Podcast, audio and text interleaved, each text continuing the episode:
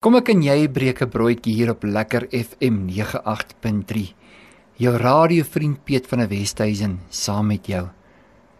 In 'n bandelose tyd, in 'n tyd waarin mense verward is. Wanneer daar geen identiteit en goddelike leierskap is nie, dan begin mense na alternatiewe te soek in hierdie lewe om sin en betekenis en doel te kan bereik vir die lewe. Maar daardie dinge is egter vir God gereserveer. Dis waarom Jesus sê hy is die weg, die waarheid en die lewe. Wanneer ons na die dinge van die lewe soek en ons soek nie na hom nie, dan probeer ons dit deur vleeslike, tydelike, eie mens gewin metodes te gebruik om by satisfaksie uit te kom. En ja, 'n mens kan tevrede wees met jou lewe sonder dat jy vrede het. Want vrede is alleenlik die bevestiging in die krag van sy teenwoordigheid. Wanneer ons sê die koninkryk van God is geregtigheid en vrede en blydskap in die Heilige Gees, dan beteken dit wanneer ons by die denke begin wat reg moet wees en belyn moet wees volgens die woord, die hart en die gedagtes van God, dan sal ons ook die wee belyn volgens daardie woord wat in ons hart geopenbaar word. Dit wat ons as die waarheid ag. Ons kan so baie maklik sê die waarheid is. Maar ons moet seker maak dat wanneer ons sê die waarheid is, dan bedoel ons die beginsel is gebaseer op wat God sê die waarheid is. In ons wêreld en samelewing is daar baie kenners op baie vakgebiede. En ek weet nie of dit arrogant is of dit nederig is en of dit maar net selferkenning is dat 'n mens sê ek is 'n kenner op 'n sekere gebied nie. Miskien kan jare se toewyding aan studies of ondervinding 'n mens daardie titel verregverdig. Self is ek nou nie 'n kenner op enige gebied nie. Maar ek het iets om te deel. Ek het 'n getuienis om te bring. Ja, ek het my ervarings. Van daardie was nie goed nie en van daardie was lekker goed geweest. Ek het baie mooi dinge om te sê en dan het ek minder dinge om te sê oor dinge wat nie vir my lekker in my lewe was nie. Maar een ding kan ek sê, ek het deur dit alles gegroei. Is ek dieselfde mens wat ek was? Nee, verseker nie. 'n Mens groei en ontwikkel. Eendag van 'n stadium moet 'n mens seker groot word. Oor jouself kom. As ek dink aan my jonger dae, dan is selfregverdiging hoog op my prioriteitslys gewees. Aanvaarding was dalk hoog op my prioriteitslys gewees om mense tevrede te stel en tevrede te hou was dalk vir my 'n belangrike kwessie gewees. Maar waar ek myself in my lewe nou bevind, maak daardie dinge nie meer vir my soveel saak nie. Dit maak my meer saak wat God sê. Dit maak vir my meer saak of dit wat ek doen en bedink en die manier hoe ek lewe teenoor God geregverdig is. Of God tevrede is met hoe ek lewe.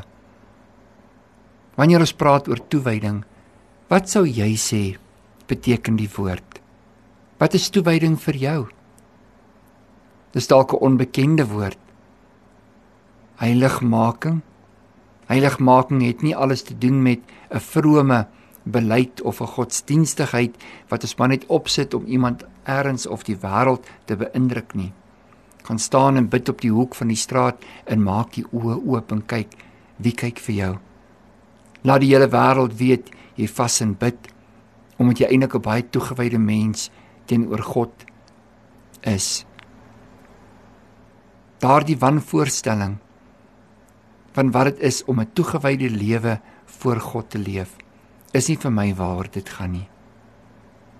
Is jy toegewyd teenoor die Here?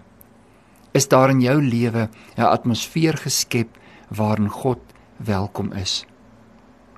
Uit 2 Kronieke 36 vers 11 tot 21 in die Afrikaanse 53 vertaling sien ek die wenresep hoe om jouself na die afgrond toe heen te bestuur.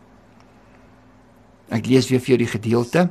21 jaar was Sedekia oud toe hy koning geword het en 11 jaar het hy in Jerusalem geregeer. En hy, hier is Sedekia, het gedoen nommer 1 wat verkeerd was in die oë van die Here, sy God. Nou hier's resepie nommer 1. Wanneer ons die afval en die afbreek in ons eie lewens wil bewerk, dan moet 'n mens kyk om nie te doen wat verkeerd is in die oë van die Here nie. As ek en jy onsself beywer om te doen wat verkeerd is in die oë van die Here God, is daar 'n eh, konsekwensie wat volg. En Sedekia het daardie pad gekies. Hy het gekies om mense tevrede te hou, om te doen wat hy in sy eie hart gedink het die regte ding sou gewees het om te doen. Tweedens het hy hom nie verootmoedig nie. Toe Jeremia die profeet na hom toe kom, het hy homself trots gehou voor die profeet en nie geluister wat God besig was om met hom te deel nie. Derdens het hy gerebelleer. Nou daar is geen goeie vorm van rebellie nie. Die woord van die Here sê dat ehm um, om te rebelleer is net so goed soos witchcraft. Heksery. God keer dit glad nie goed nie want om te rebelleer teen dit wat goed en reg is in die Here. En dit is nie 'n persepsie nie. Dit is nie 'n opinie nie. God het gesê wat vir hom reg en verkeerd in sy woord is. Wat vir hom aanvaarbaar is en nie aanvaarbaar is nie. Ons wil tog so graag God net opgradeer na 20 die 20ste eeu toe. Dat ons net kan sê ons moderniseer hierdie Jesus Christus. Ja, ons gaan nie dat hy op 'n donkie in Jerusalem inry nie. Nee nee, ons gaan vir hom iets gee waarna mense kan kyk. 'n Benoemenswaardige voertuig. Ons gaan vir hom iets gee dat die koppe kan draai. Want die mens hou daarvan om met oënskynlike sukses geassosieer te word.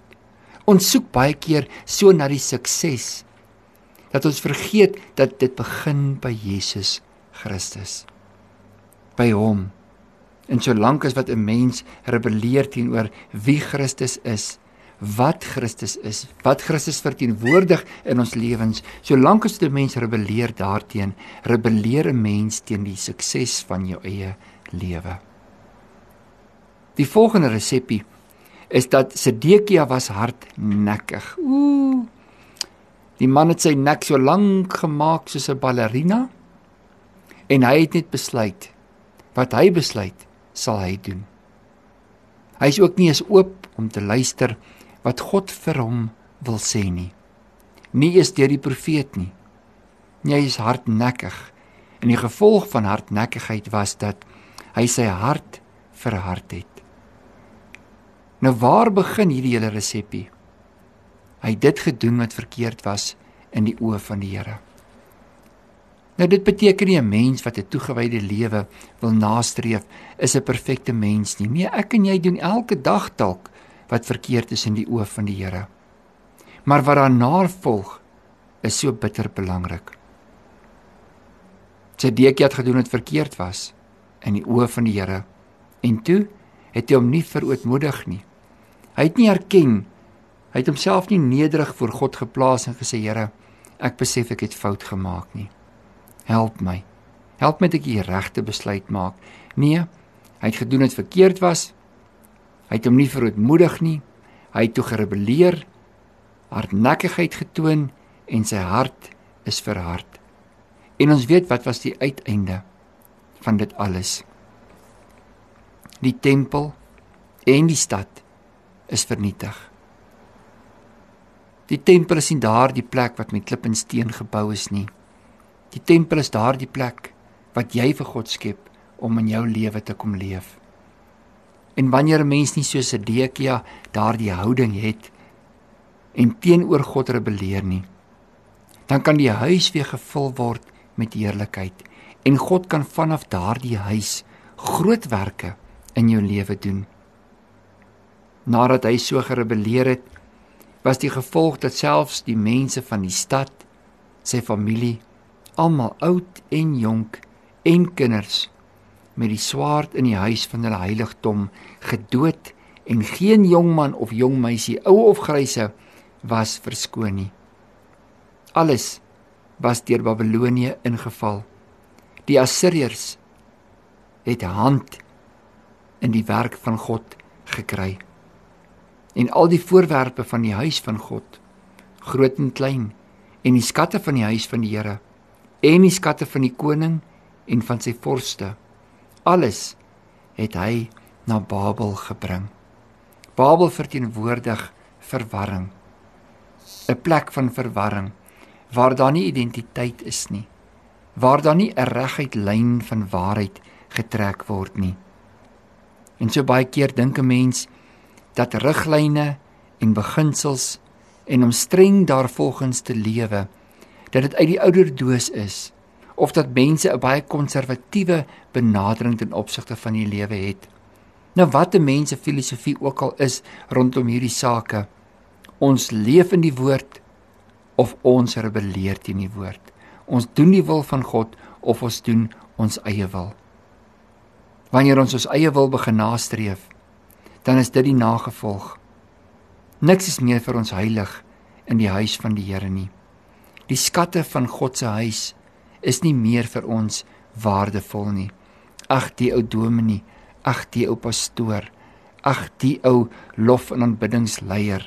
Ag die een wat nou weer by die deur staan. Ag die een wat nou weer dit doen en dat doen. Dis 'n teken dat jou hart in verkeerde rigting gedraai het. Dink vandag daaroor. Keer jou hart weer terug na God toe.